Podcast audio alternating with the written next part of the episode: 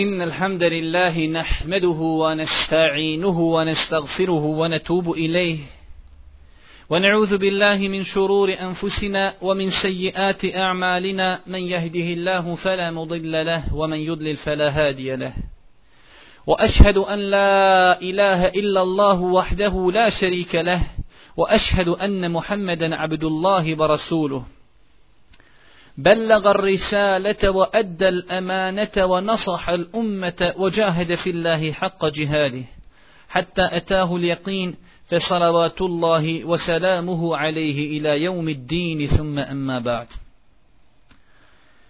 Kao što je najavljeno, braćo moja draga, večeras ćemo uz Allahovu subhanahu wa ta'ala dozvolu progovoriti nekoliko riječi na temu šta smo žrtvovali za Allahovu subhanahu wa ta'ala vjeru.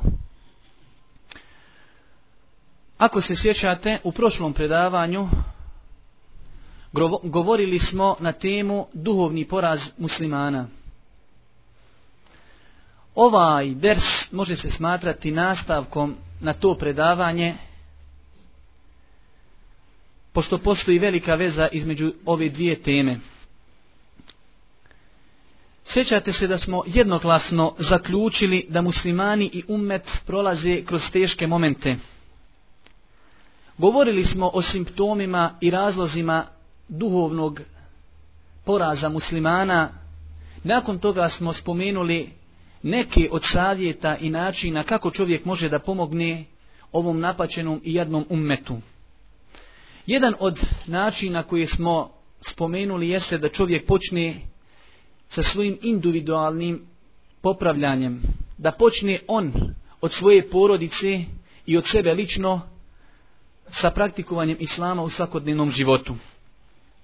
Normalno, čovjek ako počne da izgrađuje svoju ličnost i počne da praktikuje islam u svakodnevnom životu, počne da popravlja stanje u svojoj kući, neminovno je da se susretne sa dva pitanja.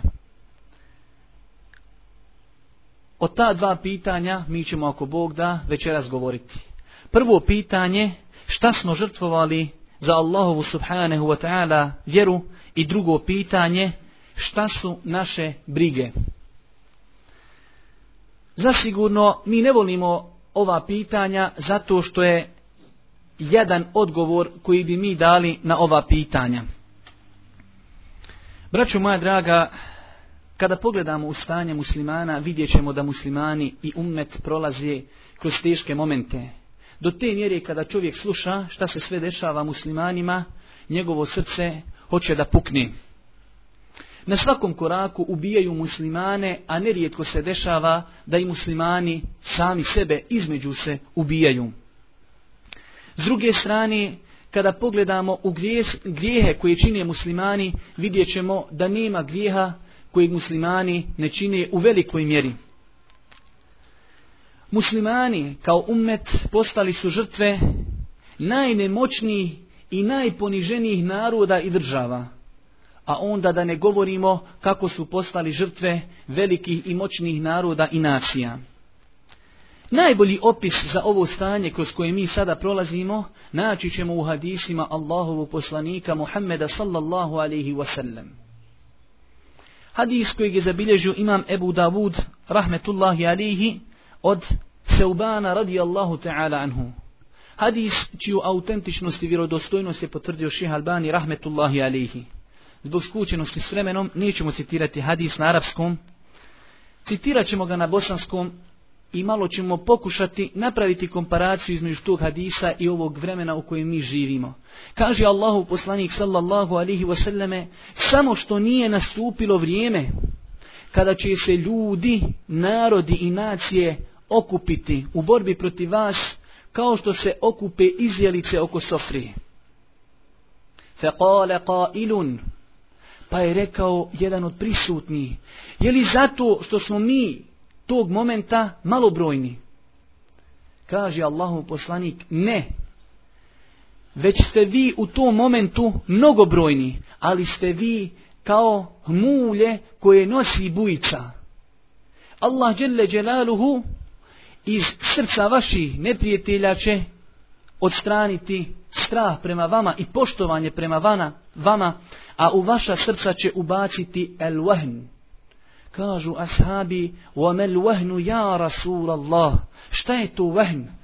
Kaže Allahu poslanik, حُبُّ الدُّنْيَا وَكَرَهِيَةُ الْمَوْتِ Čeznit ćete i volit ćete dunjaluk, a prezirat ćete smrt.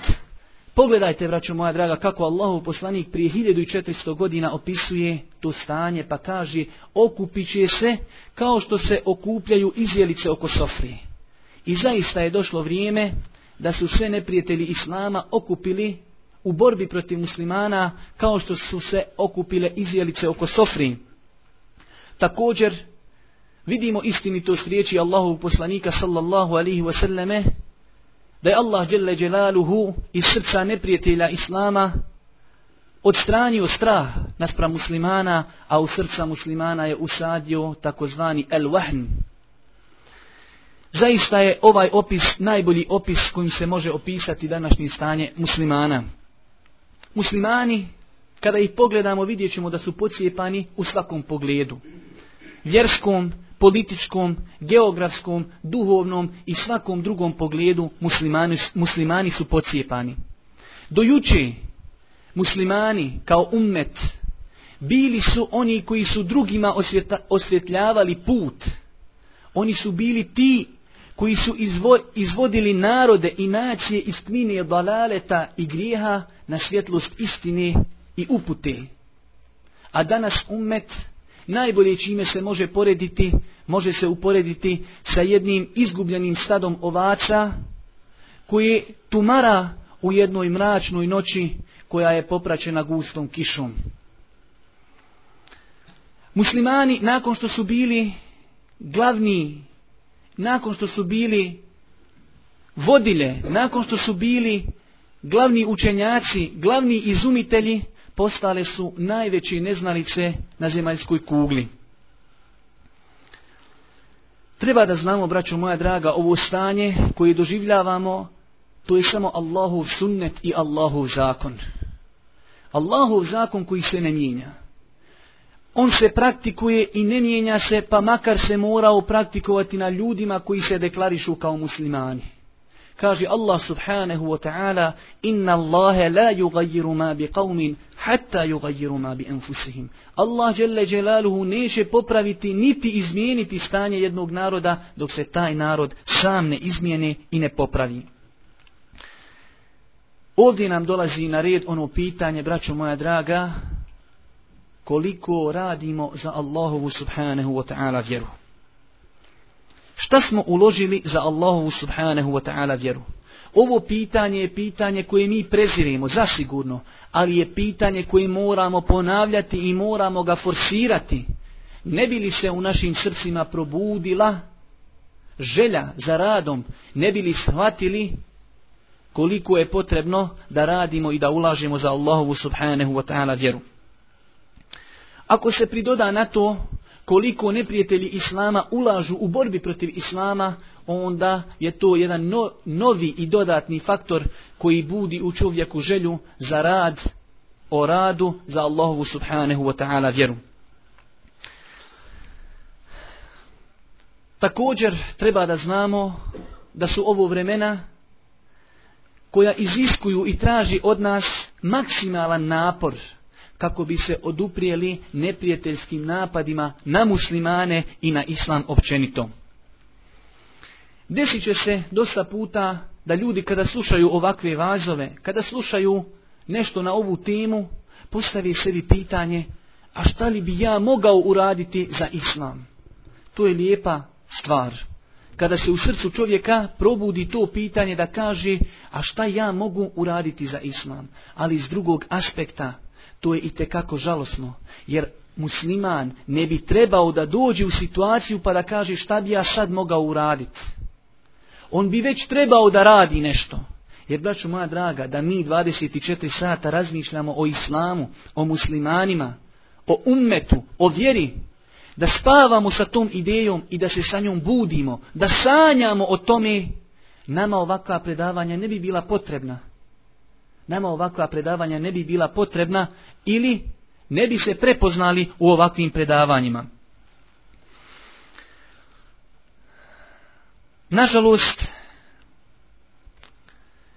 kada pogledamo u stanje muslimana ponovno, vidjet ćemo da velik broj, velik broj muslimana ne da je stavio rad za islam, na kraj ljestvice njegovih prioriteta, već u dosta slučajeva ćemo naći da ljudi uopšte rad za islam nisu stavili na ljestvicu prioriteta njegovog života.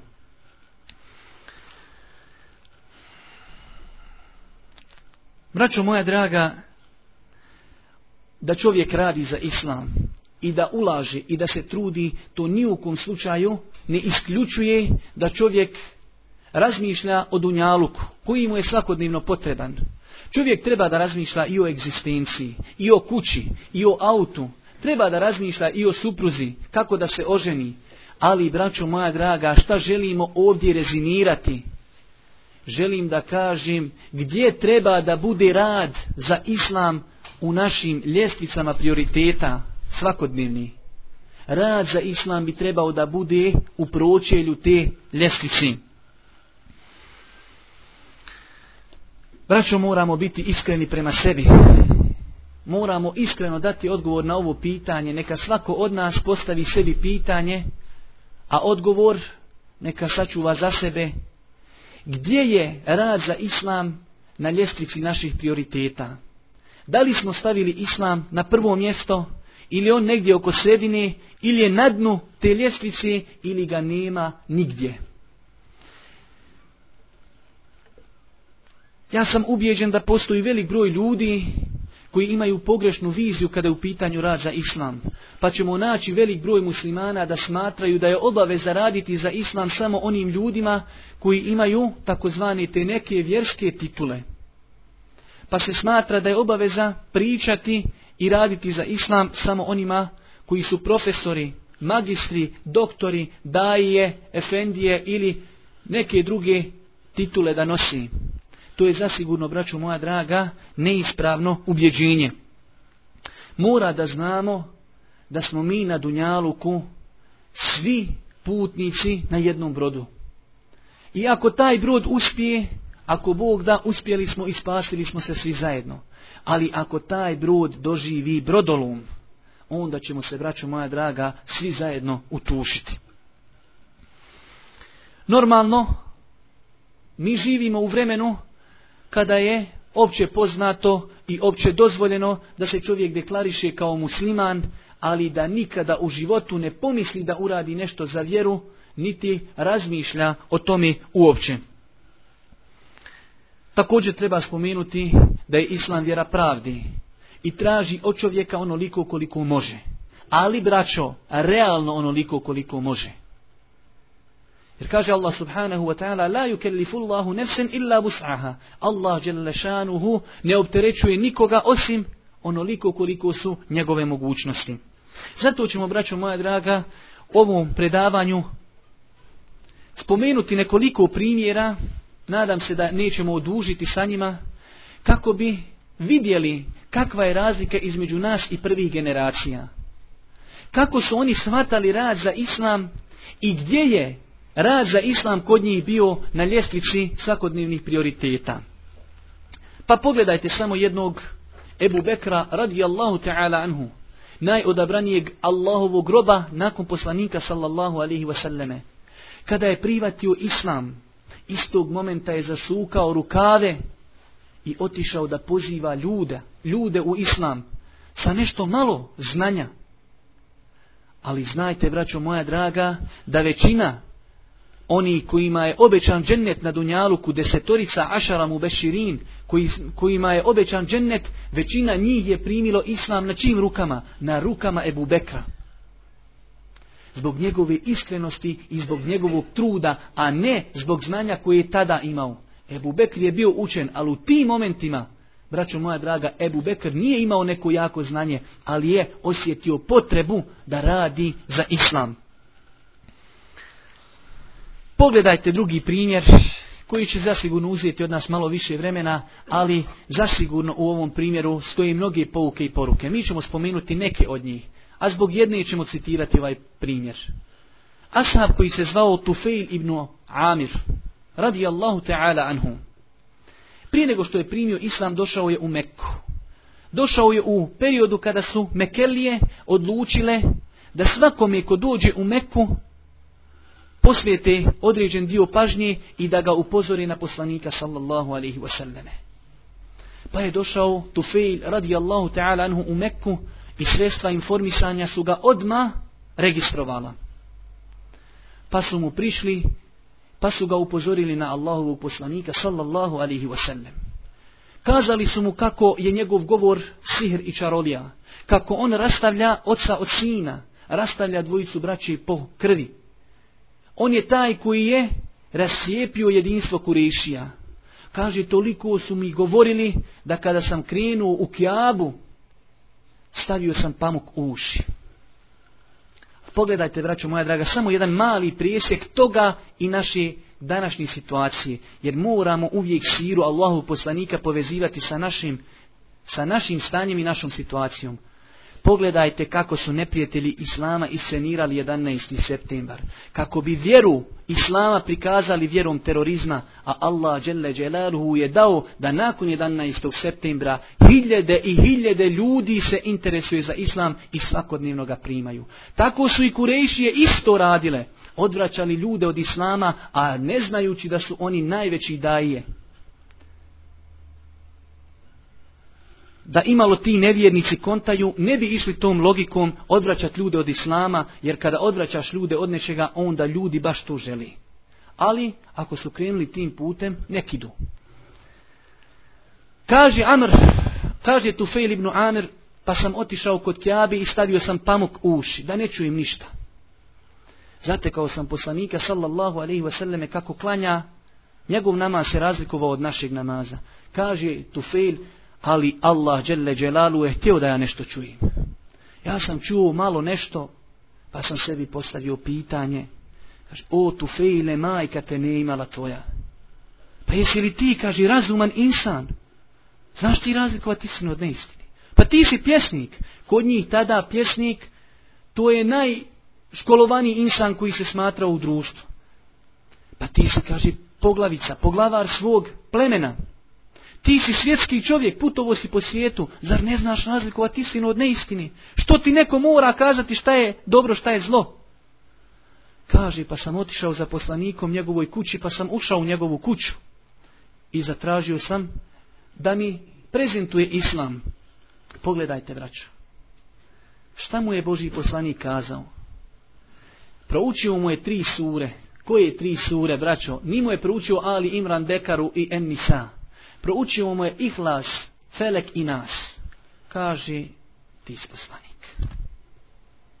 Odmah, ešhedu en la ilaha illa Allah, ešhedu enne Muhammeda Rasulullah. Ovdje bi mogli napraviti jednu istu stanku. Ti ljudi u današnje vrijeme blati islam, ali koliko ljudi je nakon tog blačenja počelo da se interesuje za islamom, ko što je ovaj tufejl otišao da se zainteresuje kod Allahog poslanika. Ali pogledajte Tufejla, pogledajte njegov rad za islam. Istog momenta kaže Allahov poslaniće, pošalji me kao misionara u moje pleme. Ništa ne zna osim tri sure, ali je osjetio da mora raditi za tu vjeru. I ti ljudi su istog momenta shvatali ako je prihvatio islam da je prenio, ponio na svojim leđima jedno veliko breme i da se mora raditi za tu vjeru. Istog momenta Allahu poslaniće pošalji me, kaže, kao misionara. Pa ga Allahu poslanik šalji u pleme njegovo Edeus. Pa je otišao, boravio tamo jedno određeno vrijeme, pa se vraća Allahom poslaniku bez rezultata. Kaže o Allahu će dovi protiv njih, da i Allah uništi. Pa Allahu poslanik podiže ruke Allahu subhanahu wa ta'ala pa kaže Allahum mehdi deusen vati bihim. O gospodaru, uputi deus i dođi s njima. Dovedi i nama. Pa je otišao Tufejl ponovo. Pa nakon kratkog perioda dolazi Tufejl radi Allahu ta'ala anhu sa kompletnim plemenom. Na čelu tog plemena je hafiz ovog ummeta Abdurrahman ibn Sahr Ebu Hureyre radi Allahu ta'ala anhu ad -dawsij. Braćo moja draga, pogledajte rezultate jednog čovjeka, a spomenuli smo koliko znanja je imao. I još jedan primjer, i time ćemo završiti ove naše primjere koji su zasigurno poučni za one osobe koji razmišljaju, koje prave komparaciju između njihovog stanja i naših stanja. Poznati ashab koji se zvao Nuaym ibn Mes'ud, radi Allahu ta'ala anhu, priča koja je svima vama poznata. Događaj koji se desi u bitci na Hendeku. Ali prije nego što počnemo govoriti ovaj događaj, samo da u nekoliko rečenica spomenim situaciju koja je bila u tom momentu u Medini. Opće poznato je da se Medina nalazi geografski između dva sjenovita predjela. I neprijatelju ne može prići sa tih sjenovitih predjela, može doći ili s prijeda ili sa zada. Kurešije sa plemenom Gatafan, deset hiljada vojnika došli su s jedne strane Medine, a iza leđa su bili židovi. Pleme Benu Muslimani su se zaštitili od Kurešija i Gatafana iskopavši Hendek.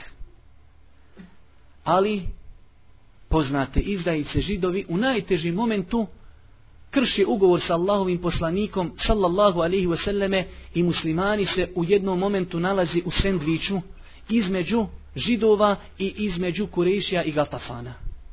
To je ukratko situacija koju želim da imate u svojim mozgovima kada govorimo o ovom pitanju. Poslušajte samo kako je to bila teška situacija, kako Allah dželle Đelalu suri Al-Ahzab opisuje to, iako je tamo to mnogo opširnije opisano, ja ću spomenuti samo jedan mali opis. Kaže Allah subhanahu wa ta'ala, iz ja'ukum min fawqikum wa min asfala minkum. وإذ زاغت الأبصار وبلغت القلوب الحناجر وتظنون بالله hunalika هنالك ابتلي المؤمنون وزلزلوا زلزالا شديدا kada su vam došli od ozdo i od ozgo, i kurejšije i ovi židovi, kada su vam došli i od i od ozgo, kada su vam duše došle do grkljana, poslušajte kako Allah Đelešanhu opisuje stanje, kada su vam duše došle do grkljana, kada ste počeli pomišljati svašta o Allahu subhanahu wa ta'ala tada su vjernici u iskušenja stavljeni i ne mogu biti gori uznemireni. Pogledajte kako to Allah Đelešanhu opisuje. Ovdje, vraću moja draga, ćemo početi našu priču. Dolazi Noem ibn Mes'ud, koji je bio iz plemena Gatafan, pleme koje je došlo da napada Allahovog poslanika. Kaže, o Allahu poslaniće, ja sam primio Islam. Za moj Islam ne zna niko osim ti naredi šta da činim, šta god da narediš, ja ću uraditi. Odmah spreman da se žrtvuje za islam. Boži poslanik mu kaže tri stvari. Nisu nešto plaho velike. Kaže, ti si pojedinac. Pomozi islamu koliko možeš i znaj da je rat varka. Tri stvari, bez pojašnjenja. Ti si pojedinac, pomozi koliko možeš i znaj da je rat varka. Noajn. Ibn Mes'ud shvatio je kakvu obavezu je ponio na svojim plećima. Istog momenta odlazi kod židova plemena Benu Otišao je kod njih, oni su ga dočekali zato što je bio njihov veliki prijatelj prije Islama. Pa kaže, o jevrijeji, o židovi, vi znate kako sam ja vama velik prijatelj. Kažu, znamo.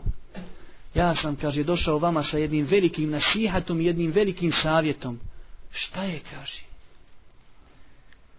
Kaže, jeste li vi razmišljali o situaciji vašoj? Kurešije i El Gatafan su došli da napadnu Allahu poslanika Muhammeda sallallahu alihi wasallam. I oni ako uspiju, oni će mu nanijeti ovaj neki belaje, neke belaje. Ali kaže, ako ne uspiju, oni će se vratiti daleko od Muhammeda, odlaze svojim porodicama i tamo će živjeti u miru. Ostavit će vas, pa da vi grbaču lomite, lomite sa muslimanima. Tada su se oni malo probudili. Kaže, šta nam nudiš? Ima li rješenje? Ima, kaže. Kaže, otiđite kod Kurešija i recite, hoćemo 70 ljudi kao zalog, taoce, da ćete ostati s nama dok riješimo sa Mohamedom. Kažu, e, ja dobrog prijedloga, jesi nam dao dobar savjet. A e neki i njih neko jednom odradio. Odlazi Nuaim, koji je tek primio islam, braćo, odlazi Kurešijama. Dolazi kod koga? Kod Ebu Sufjana, radi Allahu Taranu koji tada još nije bio primio islam. Kaže Ebu Sufjane, ti znaš koliko ja vas volim kurešije i koliko je dobra veza između mene i vas. Kaže, znadem imam, kaže, jednu povjerljivu informaciju. Šta je? Kaže, židovi su se pokajali što su prekinuli ugovor između njih i poslanika. Šta? Jes. Ali, kaže, oni želi da se iskupe za tu grešku. Kako? Kaže, doći od vas tražiti 70 taoca, ali će i dat poslaniku, kaže, da ih sve pobije. Pa šta je rješenje? Kad dođu, kaže, ne dajte nijukom slučaju. E, kaže, Allah te nagrađuje, jesi ti, kaže, veliki prijatelj. Prošlo je nekoliko dana, Kurešijama je dosadilo da čekaju viši. I oni javljaju židovima, udarite vi s jedne strani, a mi ćemo s jedne strani.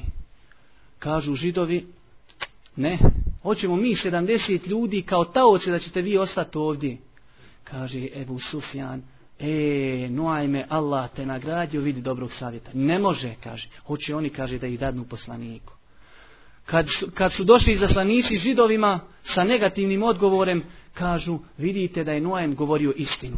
To je bio razlog da su se oni između se ovaj pobili, onda nakon toga Allah subhanahu wa ta'ala je poslao vjetar koji je detaljno i temeljito porazio saveznike. Braću moja draga, zašto smo citirali ovu priču koja ima mnogo pouka, ali jedna velika pouka, pogledajte Nuajma, tek prihvata islam, ali je odmah spreman da radi za islam. Istog momenta žrtvuje svoj život, odlazi kod židova, odlazi kod kurešija, ali taj čovjek je shvatio da treba da radi za Allahu subhanahu wa ta'ala vjeru. Također, braću moja draga, ovdje možemo spomenuti jedno veoma bitno pitanje – Ljudi koji žele raditi za Allahu subhanahu wa ta'ala vjeru. Naročito pozivati ljude u islam, zasigurno dosta puta budu iskušani jednim iskušenjem, a to je da ih šetan pokušava zavesti na jedan oproban način, a to je da dolazi ljudima i kaže kako ćeš ti raditi za Allahu vjeru i pozivati ljude, a ti pri sebi imaš toliko i toliko grijeha. Zasigurno, braću moja draga, čovjek treba da se trudi da ostavi grijehe. Ali ne smije dozvoliti da ako ima grijeha da i ostavi rad za islam i pozivanje ljudi. Ako ostavi to, nasjeo je na šetanove spletke, nakon što ima grijeha, pridodao je i druge grijehe na te grijehe. Zato čovjek treba, i ako ima pri sebi neki loši osobina, treba se truditi da ih ostavi, ali ako ih ne može ostaviti u određenom momentu, treba da ljude poziva u Allahu subhanahu wa ta'ala vjeru i da radi za Allahu subhanahu wa ta'ala vjeru. Opet ćemo spomenuti jedan primjer koji je veoma poučan s tog aspekta. Da vidimo kako su prve generacije shvatile da čovjek makar u određenom momentu i činio određene grijehe, to ne znači da ne treba da radi za Allahu subhanahu wa ta'ala vjeru. Da pomogne onoliko koliko može. Primjer koga? Ashaba koji se zvao, svima vama inša poznata priča, ali mi ćemo je skratiti samo da bi uzeli ovu glavnu pouku iz nje. Ashab koji se zvao Ebu Mihđen es radi radijallahu ta'ala Ashab koji ga Allah subhanahu wa ta'ala iskušao jednom jednim iskušenjem, a to je da nije mogao ostaviti alkohol. Mnogo je pio alkohol i mnogo puta je bio bičevan zbog toga. Kada su muslimani krenuli u bitku na sidji pod vodstvom emira, ashaba, Sa'ada ibn Ebi Waqqasa radijallahu ta'ala anhu, ovaj ashab se nije mogao otrijesiti tog grijeha pa je u samim redovima vojske pio alkohol. Pa je Sa'ad ibn Waqqas radijallahu ta'ala anhu pritvorio ovog ashaba plemenitog, jer nije htio da sprovodi šerijaske kazne u neprijateljskoj zemlji. Odgodio je to dok se muslimani vrate u muslimansku teritoriju.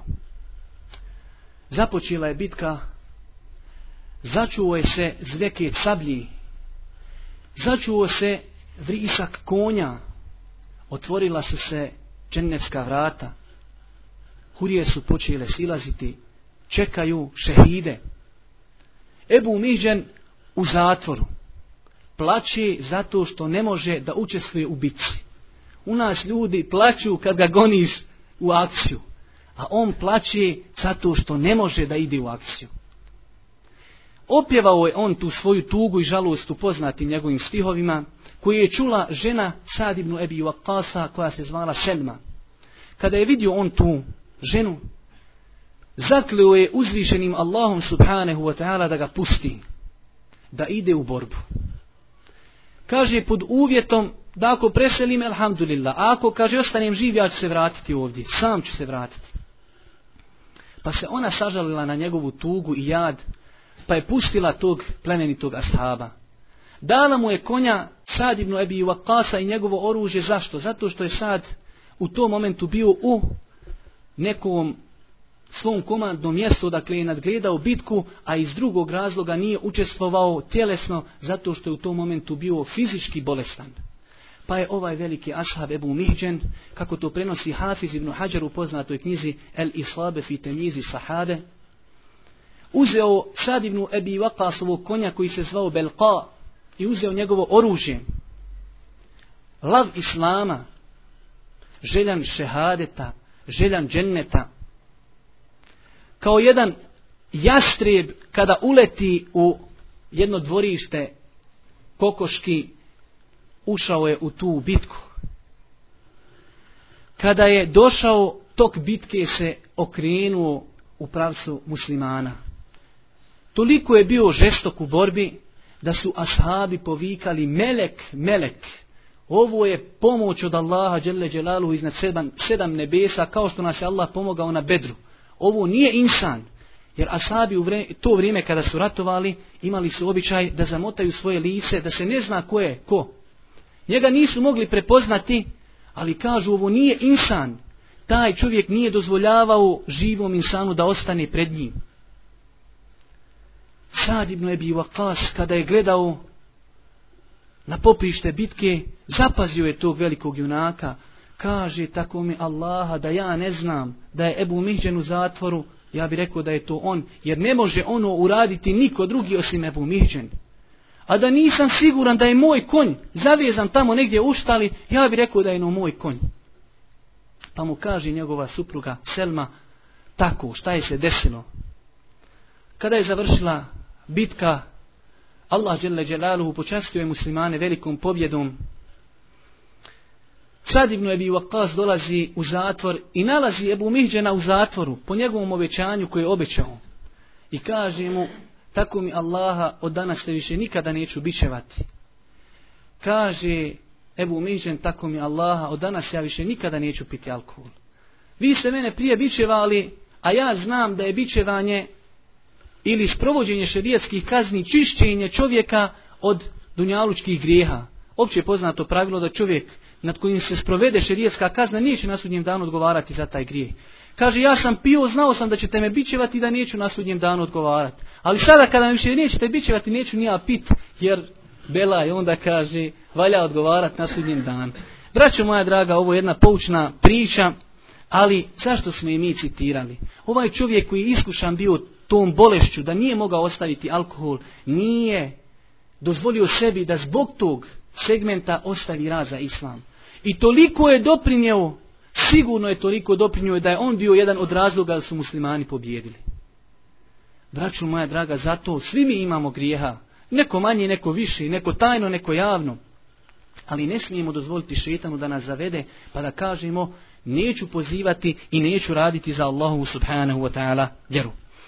Normalno, velik broj ljudi ima također neispravnu viziju kada je u pitanju rad za vjeru, pa misli da je rad za vjeru samo ders, hutba, vaz ili nešto slično tomi. Pojam rada za Allahovu subhanahu wa ta'ala vjeruje mnogo širi, braćo moja draga. Svaki čovjek musliman treba da radi ishodno svojim mogućnostima, ishodno svojoj struci. Ali je bitno da ljudi koji te okružuju znaju da si ti musliman i da si spreman uvijek da pomogneš brata muslimana i da si spreman da pomogniš islam. Ako si pekar, da znaju oni koji kupuju od tebe hljeb da si musliman i da si pošten. Da ako si inženjer, da znaju da si ti musliman i da se ne može desiti da ti ostaviš namaz. Da si spreman pomoći vratu muslimanu u nevolji. Zato trebamo sebi postaviti pitanje ko je od nas ovdje poznat po tome. Ili ima neko među nama da je poznat da kažeš u ponoći, u dana, samo nazovi. Svako od nas neka postavi sebi pitanje, a mi se smatramo kao neki ljudi koji su shvatili neke stvari. Zato, braću moja draga, da rezimiramo i da prelazimo na drugo naše pitanje, kako ne bi okasnili ako Bog da na jaciju, rad za islam mora biti na vrhu ljestvici naših prioriteta. Nakon toga nema smetnje da čovjek razmišlja i o dunjalučkim stvarima, ali na prvom mjestu mora biti rad za vjeru. Drugo pitanje, šta su, braću moja draga, naše brige? Ovo pitanje, ako Bog da, malo ćemo ovaj brže dati odgovor na njega. Šta su naše brige? Pitanje koje mi zasigurno opet ne volimo zbog toga što poznajemo kako bi jadno izgledao naš odgovor. Treba da znamo, braćo moja draga, da se ljudi vrednuju i razlikuju po veličini njihovih ciljeva i po veličini njihovih briga. Tako ćete naći ljude u svakodnevnom životu. Kaže, ja nisam ni zašta. Ja ne znam ništa. I takav čovjek umrijeće neće znati ništa. Imate ljudi koji kaže, ja znam samo kopac s kazimom, sa krampom. I taj čovjek cijeli život krampa i ne zna ništa drugo. Zato što je sebi postavio takve takve ciljeve. Naći ćemo ljude koji su postavili sebi velike dunjalučke ciljeve, pa kaže ja hoću da završim školu, da nađem poslu, da se oženim i da napravim kuću. Nakon toga želim miran život i čovjek to postigne i onda živi mirnim životom. Ali ima ljudi koji su postavili sebi za cilj mnogo veće ciljeve. Pa kaže, ja želim Allahovo zadovoljstvo, želim Allahov džennet, želim vječnu nagradu. I takvi ljudi počinju sa odmorom kada i ljudi spuste u kabur. A prije toga oni se ne mogu umoriti. Kaže Ibnul Qajim, rahmetullahi alihi, u poznatim stihovima, Ibnul Qajim ima jednu veliku pjesmu u kojoj svaki stih završaje sa nunom. Zato je zovu Arapi nunija. Pa kaže, ja ar rahmani la yanaluha fi elfin wahidun lesnani. Ja ar rahmani kayfa tasaddarat khutab anki wa hum zu imani.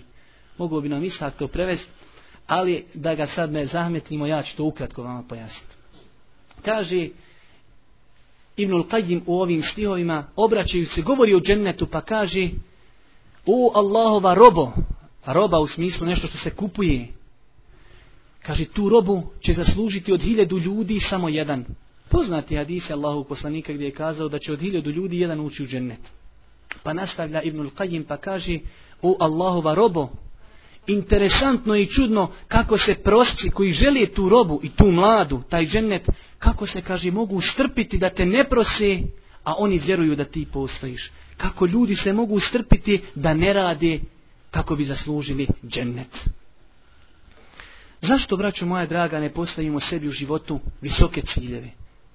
Znajte kada sebi čovjek postavi visok cilj, makar ga i ne realizovao posto, da će on uspjeti mnogo. Primjera radi čovjek ide u školu i kaže sebi ja ću proći peticom. Ona i ne prođe peticom, proći četvorkom. A četvorka je dobra ocjena. Ali ako čovjek kaže ja ću proći dvojkom, taj čovjek ako okine s dvojke, on pada. Šta znači sebi postaviti niske ciljeve? Šta znači sebi postaviti visoke ciljeve? Zašto, braćo moja draga, podcjenjujemo sebe i naše potencijale? Čovjek muslima naročito mora da gleda na ljude oko sebe s aspekta sljedećeg. Da kaže sve što može uraditi jedan čovjek mogu i ja. Ako neko može završiti medicinu i biti dobar doktor, mogu i ja. A ja imam dodatni razlog, ja sam dobar musliman i želim time da pomogne muslimane. Ako jedan čovjek može naučiti voziti avion, mogu i ja. Ako jedan čovjek može biti inženjer, mogu i ja. S tog aspekta trebamo gledati stvari. Jer i ti ljudi su od krvi i mesa. Nije on van zemaljac, ali je bitno da zagriješ stolicu i da uložiš trud. Niko nije postao ni doktor, ni magistar, ni akademik sjedeći u kući u smislu bez ikakvog truda, treba da se zagrije, braćo moja draga, stolica u svim ovim stvarima. A mi muslimani i te kako smo potrebni učeni ljudi u svakom segmentu naših života. Nama trebaju doktori, dobri muslimani. Trebaju nam ginekologi, žene. Trebaju nam inženjeri, dobri muslimani. Trebaju nam piloti, trebaju nam pekari. Svako znanje nam treba.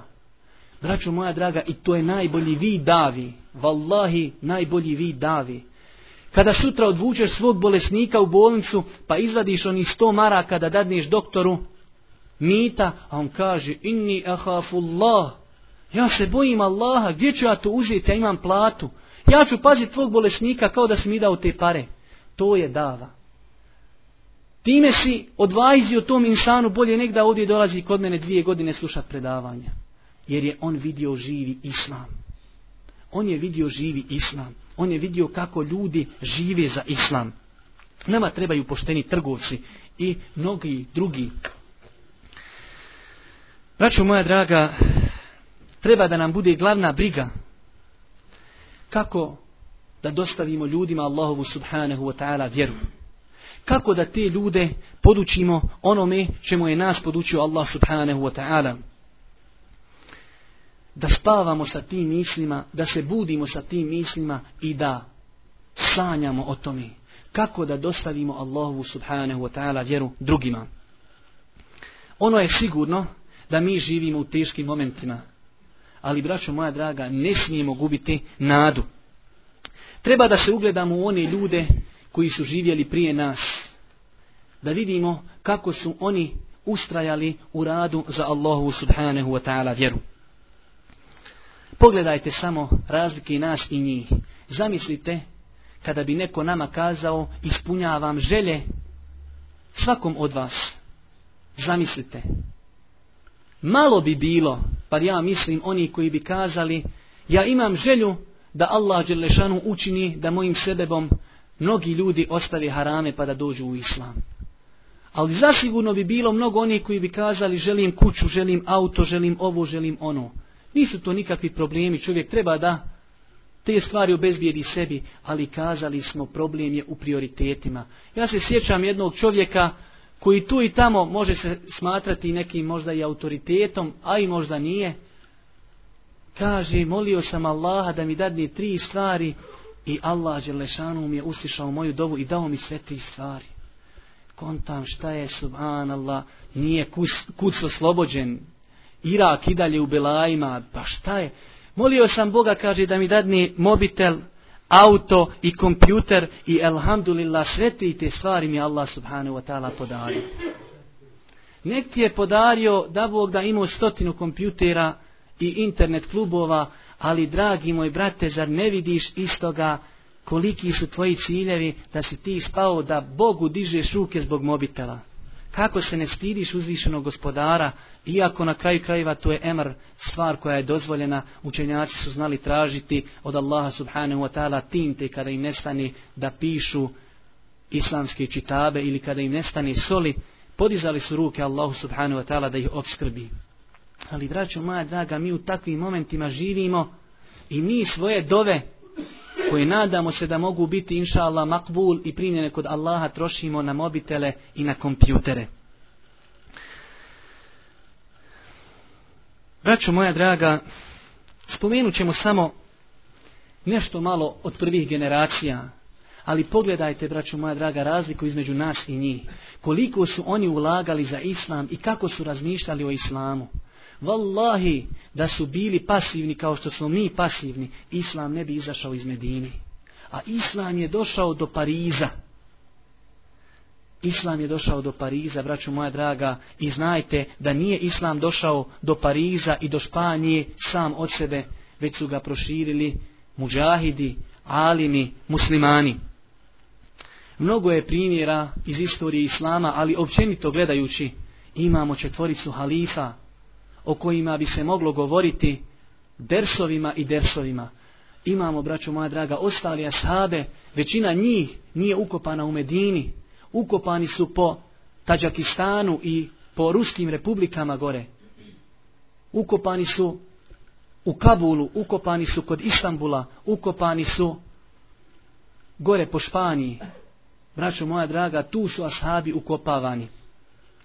Pogledajte samo muhaddise ovog ummeta, imama Buhariju, muslima, Ebu Davuda, Tirmiziju i ostali. Pogledajte imame Mezheba, Ebu Hanifu, imama Šafiju, Malika, Ahmeda. Koliko su ti ljudi uložili truda i rada za Allahu subhanahu wa ta'ala vjeru. Pogledajte imama šehu Islama ibn Tejmiju. Kolike učenike je on odgojio. Imama ibn Kefira, imama Ezehebija, imama Ibnul Qajima i mnoge druge učenjake koji su ostavili ovom ummetu takva djela i takve knjige koji na, koje nisu napisane prije njih, niti će ih neko napisati poslije njih. Svako od njih je, braćo moja draga, uložio nešto za ovu Allahu subhanahu wa ta'ala vjeru. Oni su svojom krvlju pisali blistave stranice historije Islama, a danas mi tu historiju bacamo svojom pasivnošću pod naše noge. Oni su krvlju pisali blistave stranice historije Islama. Pogledajte, braćo moja draga, kako je jadno naše stanje, ne govorim sada dalje od ove prostorije, naše stanje kako je jadno. Neka svako sebi postavi pitanje koliko ljudi je pozvao od kako klanja. Koliko ljudi mu se odazvalo. Nama nije cilj i ne gledamo u rezultate, ali ako čovjek radi, Allah će dati rezultate. Koliko smo ljudi pozvali i koliko radimo na širenju Allahovi subhanahu wa ta'ala vjeri. Pogledajte, braćo moja draga, razliku između nas i njih. Ebu Bekr radi Allahu ta'ala anhu. Dolazi jedne prilike Boži poslanik pa kaže, govori o džennetu, ljudima koji će ući u džennet, pa kaže na sudnjem danu džennet će imati osmera vrata, pa će neko biti pozvan sa vrata sadaki, zekijata. Neko će biti pozvan sa vrata posta, arrajjan. Muđahidi će biti pozvani sa vrata džihada. Pogledajte, braćo moja dragi, Ebu Bekrove brige. Kaže, o Allahu poslaniće, ima li neko će biti pozvan sa svih vrata? Valla ja prvi kažem da mi je biti zadnji koji će ući u džennet. To je razlika između nas i njih. Ebu Bekr nije pitao da uđe zadnji ko što ja to očekujem. Već kaže ima li neko da će ući na sva vrata Ebu Bekr ima mnogo veće ciljeve od mojih ciljeva. Kaže Allahu poslanik molim Allaha i nadam se da ti budeš onaj koji će biti pozvan sa svih tih vrata, a u jednom vjerodostojnom rivajetu stoji ti si jedan od onih koji će biti pozvani sa svih vrata dženneta. Pogledajte, braćo moja draga, njihovih ciljeva, i pogledajte naše ciljeve. Pogledajte, oni su u jednom periodu koji za historiju ne znači ništa, to je stotinja godina, proširili islam toliko koliko svi mi znamo. U toliko kratkom periodu srušili su dvije tadašnje vele sile, dvije imperije, rimsku i perzijsku. Ko? Beduini. Ali ti beduini su imali iman u svome srcu braćo moja draga, nije pojenta, mnogo puta smo govorili u tjelesnom izgledu, već je pojenta u unutrašnjem motoru insana, u njegovom srcu. Napravimo, braćo moja draga, komparaciju između nas i njih, između naše omladine i njihove omladine. Sjećate se primjera kada smo govorili u bitci na Bedru. Abdurrahman ibn Auf dolazi, nastupa bitka, kaže ja desno, kad kraj mene momčić neki, lijevo kraj mene momčić, poželio sam, kaže, da sam kaj dvojice jaki ljudi, da se mogu malo u osloniti na njih. A jedan kuca, Amidža, znaš ti je Buđehla? Šta ćeš ti, sinko, se Buđehlom, tako vrstan borac? Čuo sam, kaže, da vrijeđa poslanika, odmah mi je, kaže, pao mrak na oči. Kada se sretnemo, kaže, ili ja ili on. Malo prošlo kuca drugi, Amidža, Znaš li Džehla? Šta je, kaže sinčiće, šta ti sa njim? Čuo sam, kaže, vrijeđa poslanika sallallahu alaihi wasallam kad se sretnimo ili ja ili on. To su bili ashabi la ilaha illallah. Omer, Ibn Omer radijallahu ta'ala anhu kada su krenuli na Uhud, imao 14 godina. Propinje se na prste u zadnjem safu da poslanik ne primijeti njegovu niskost kako ga ne bi vratio. To su bili ashabi, a pogledajte našu omladinu njihovo vrijeme provedeno u diskotekama, gledajući serije, oponašajući nevjernike, dosta smo puta opisivali tu našu omladinu, nema potrebe da to ponavljamo. Zaista, to je jadno, stanje. Ali znajte, braću moja draga, da ti ljudi u dosta slučajeva, iako tako jadno izgledaju, da ti ljudi traži sreću. Ali, braćo moja draga, niko im nije od nas došao i ponudio im pravu, istinsku sreću, sreću Islama. Nismo im ponudili nešto što će ih učiniti sretnim, jakim, zadovoljnim, ponosnim, korisnim za njihovo društvo. Zato, kada god vidite nekoga na ulici, prvo sebe okrivite, a nakon toga počnite ovaj da kritikujete njega. Zato, braćo moja draga, oni ljudi koji smatraju da su svjesni tuđe nesvijesti, trebaju da se pokrenu, trebaju da ne žali svoj trud, svoj imetak za Allahovu subhanahu wa ta'ala vjeru. I na kraju u nekoliko rečenica da odgovorimo kako čovjek da pomogne Allahu subhanahu wa ta'ala vjeru. Prva stvar, braćo moja draga, čovjek mora da postavi brigu o Allahovoj subhanahu wa ta'ala vjeri na vrh ljestvice njegovih prioriteta. To je prva stvar. Morat ćemo skratiti, pošto nam se krat, bliži jacija. Druga stvar jeste da čovjek bude spreman da na tom putu odvoji svoje vrijeme, svoj imetak, svoje zdravlje, da bude spreman da žrtvuje svoje vrijeme, da dođi, da se edukuje, da bude spreman da radi za Allahu subhanahu wa ta'ala vjeru. Treća stvar Čovjek kada nauči nešto, kada se poduči propisima Allahove vjeri, treba da bude spreman i da pokuša da to praktično sprovede u svom svakodnevnom životu, jer kazali smo u našim prijedhodnim predavanjima, najbolji način da čovjek zapamti neku stvar jeste da je praktično sprovede u životu. I četvrta stvar, to je ono što nam mnogo fali, kada čovjek stavi rad za islam na prvo mjesto, kada odvoji svoje vrijeme, kada čovjek, eto, kada to praktično sprovede u svakodnevnom životu, ostaje mu, braćo moja draga, da poziva druge ljude.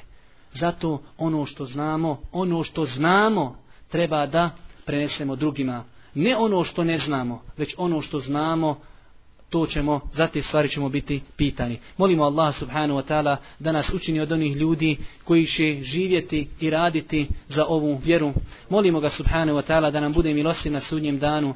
Molimo ga subhanahu wa ta'ala da ono što smo čuli bude dokazom za nas, a ne protiv nas. Molimo ga subhanahu wa ta'ala da olakša muslimanima ma gdje bili.